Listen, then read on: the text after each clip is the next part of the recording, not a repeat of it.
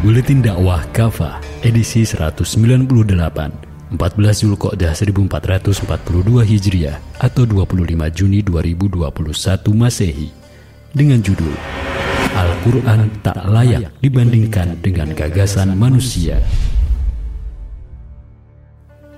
Di tengah pandemi COVID-19 yang telah berlangsung hampir dua tahun, setidaknya kita memperoleh hikmah menarik betapa luar biasanya sistem pernafasan manusia – dalam sehari manusia bernafas sekitar 23 ribu kali. Udara yang kita hirup rata-rata 6,3 sampai 13 liter per menit. Berarti sekitar 492 sampai 1000 galon per hari. Dalam sistem ini terdapat organ penting yaitu paru-paru. Organ ini beroperasi sangat menakjubkan tanpa disadari oleh manusia. Semua dirancang dengan sangat detail dan teratur. Masya Allah. Allah lah yang menciptakan dan mengatur semua itu. Pantaskah manusia sombong?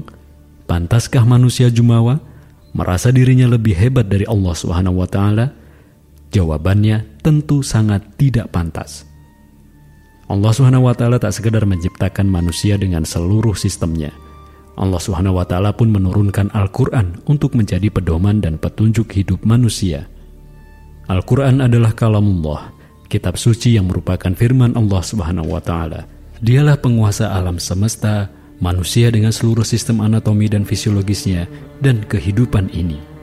Al-Quran bukan buatan manusia, baik Arab maupun non-Arab. Al-Quran juga bukan karangan Nabi Muhammad SAW.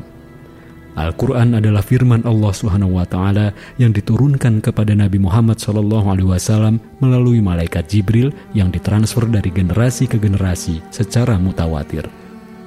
Membaca Al-Quran adalah ibadah yang berpahala dalam konteks ini, layakkah Al-Quran yang merupakan firman Allah Subhanahu wa Ta'ala dibandingkan dengan gagasan manusia?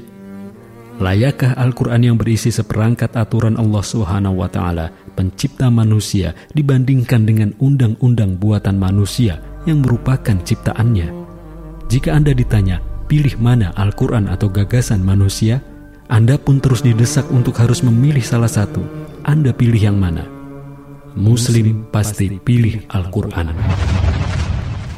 Al-Quran adalah petunjuk bagi manusia yang terbebas dari kesalahan, kebatilan, dan kontradiksi. Semua isinya benar dan adil. Dalam Quran Surat Al-An'am ayat 115, Allah berfirman, Telah sempurnalah kalimat Tuhanmu yaitu Al-Quran sebagai kalimat yang benar dan adil.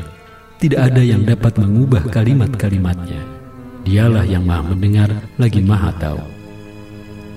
Qatadah mengatakan, maksudnya benar dalam ucapannya dan adil dalam semua keputusannya. Selalu benar dalam pemberitaan dan adil dalam tuntutan. Setiap yang Allah Subhanahu wa taala beritakan adalah benar. Tiada keraguan dan kebimbangan padanya. Semua yang Allah Subhanahu wa taala perintahkan adalah adil. Tiada keadilan selain keadilannya. Setiap yang Allah Subhanahu wa taala larang adalah batil Sungguh tidak sekali-kali Allah Subhanahu wa taala melarang melainkan karena adanya mafsadat atau kerusakan pada yang Dia larang. Manusia sebagai makhluk berada pada kondisi tidak sempurna dan penuh keterbatasan. Sehebat-hebatnya manusia dengan akal dan pikirannya, hasilnya tetap terbatas. Dikatakan al-insanu mahalul khata wan. Manusia itu tempat salah dan lupa. Siapa saja yang meyakini dan mengamalkan Al-Quran, dia berada di jalan yang lurus, mendapatkan pahala, ridho, dan surganya.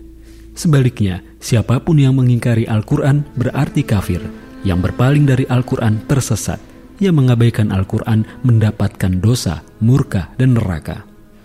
Itulah Al-Quran dalam akidah dan keyakinan Islam. Jadi kalau ada orang mukmin ditanya, pilih mana Al-Quran atau gagasan manusia? Jawabannya tegas, pilih Al-Quran. Respon yang tegas menunjukkan keyakinan Islam yang kuat dan lurus. Jika ada yang menyatakan respon tegas ini dimaknai kaku, intoleran, dan radikal, maka ada persoalan pada mindset orang yang membuat pernyataan tersebut. Ketika sikap tegas lebih memilih Al-Quran dianggap sebagai indikator radikalisme, sementara radikalisme dianggap sebagai sesuatu yang buruk dan membahayakan, itu berarti menuduh Al-Quran sebagai sesuatu yang buruk dan membahayakan. Hal demikian dapat dimaknai penistaan terhadap Al-Quran. Wa billah, sungguh sangat disesalkan. bagaimana bisa ada orang yang mengaku beragama Islam namun justru menistakan kitab sucinya sendiri. Al-Quran, petunjuk yang sempurna. Pernahkah Anda berjalan di lorong yang gelap gulita? Pastinya Anda tidak akan mampu melihat arah lorong tersebut, tidak nyaman dan Anda pun ragu-ragu dalam melangkah. Bagaimana rasanya bila kemudian tiba-tiba ada cahaya yang menerangi lorong tersebut? Tentu Anda akan merasa bahagia dan lega karena petunjuk arahnya jadi jelas dan Anda pun yakin dalam melangkah. Demikian pula dalam hidup, saat Anda menjalani hidup di dunia tanpa petunjuk, maka gelaplah kehidupan. Sebaliknya, saat petunjuk tersebut jelas, maka jelaslah kehidupan. Al-Quran adalah petunjuk yang menerangi kehidupan yang gelap gulita. Siapa saja yang mengabaikan Al-Quran akan terjerumus ke dalam jurang kegelapan dosa. Siapa saja yang berpegang teguh pada Al-Quran, maka ia akan selalu diliputi cahaya petunjuk dan tidak akan tersesat selamanya. Rasulullah Shallallahu Alaihi Wasallam pernah bersabda, "Aku telah meninggalkan untuk kalian dua perkara. Kalian tidak akan tersesat selamanya selama berpegang dengan keduanya, yaitu Kitabullah, Al-Quran, dan Sunnahku." Hadis riwayat Al-Hakim. Al-Quran adalah petunjuk bagi manusia dalam semua aspek kehidupan. Dalam Quran Surat An-Nahl ayat 89, Allah berfirman, kami telah menurunkan kepadamu Alkitab atau Al-Quran untuk menjelaskan segala sesuatu serta petunjuk, rahmat, dan kabar gembira bagi orang-orang yang berserah diri. Faktanya, Al-Quran tidak hanya menjelaskan perkara akidah, ibadah, hukum makanan, pakaian, dan akhlak. Di dalam Al-Quran pun terdapat ayat-ayat yang menerangkan tentang kepemimpinan dan, ke dan pemerintahan, serta di dalam Al-Quran pun terdapat ayat-ayat yang menerangkan tentang kepemimpinan dan pemerintahan beserta hukum yang wajib diterapkan dalam kehidupan. Juga tentang jihad, harta rampasan perang, sanksi bagi pencuri, pezina, dan lain-lain. Lebih jelas lagi, dalam kitab-kitab fikih dibahas mulai bab toharoh, muamalah, muamalah, maliyah, hingga al-qodo atau peradilan, hudud dan jinayat, hingga masalah imamah atau khilafah. Semua itu menunjukkan bahwa Islam mengatur seluruh aspek kehidupan. Semuanya wajib diterapkan secara kafah. Tidak boleh diambil sebagian dan ditinggalkan sebagian. Tidak boleh pula mengingkari ayat Al-Quran karena bisa terjatuh pada kekufuran. Oleh karena itu, sekulerisme jelas bertentangan dengan Islam dan harus ditinggalkan. Sekulerisme adalah paham yang memisahkan agama dari kehidupan.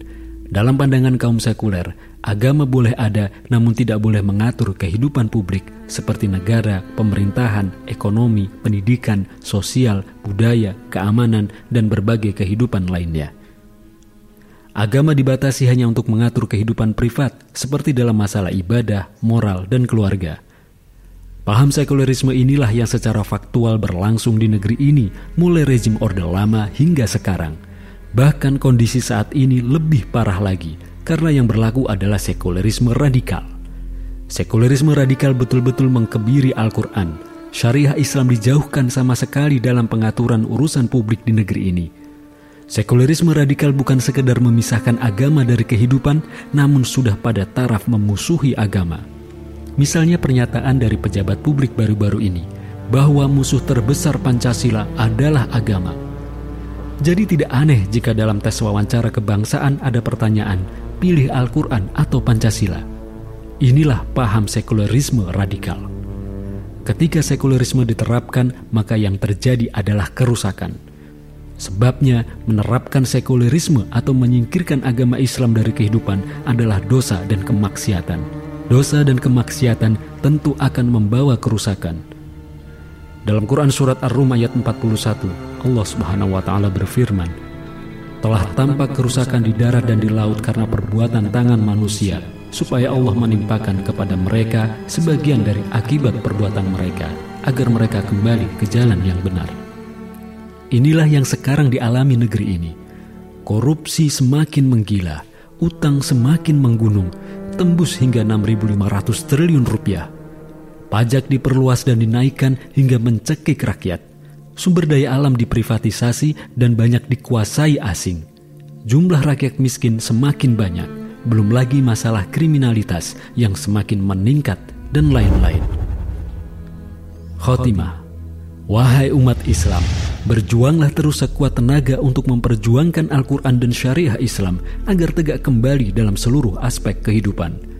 Tidak boleh mundur sejengkal pun walau apa pun yang terjadi.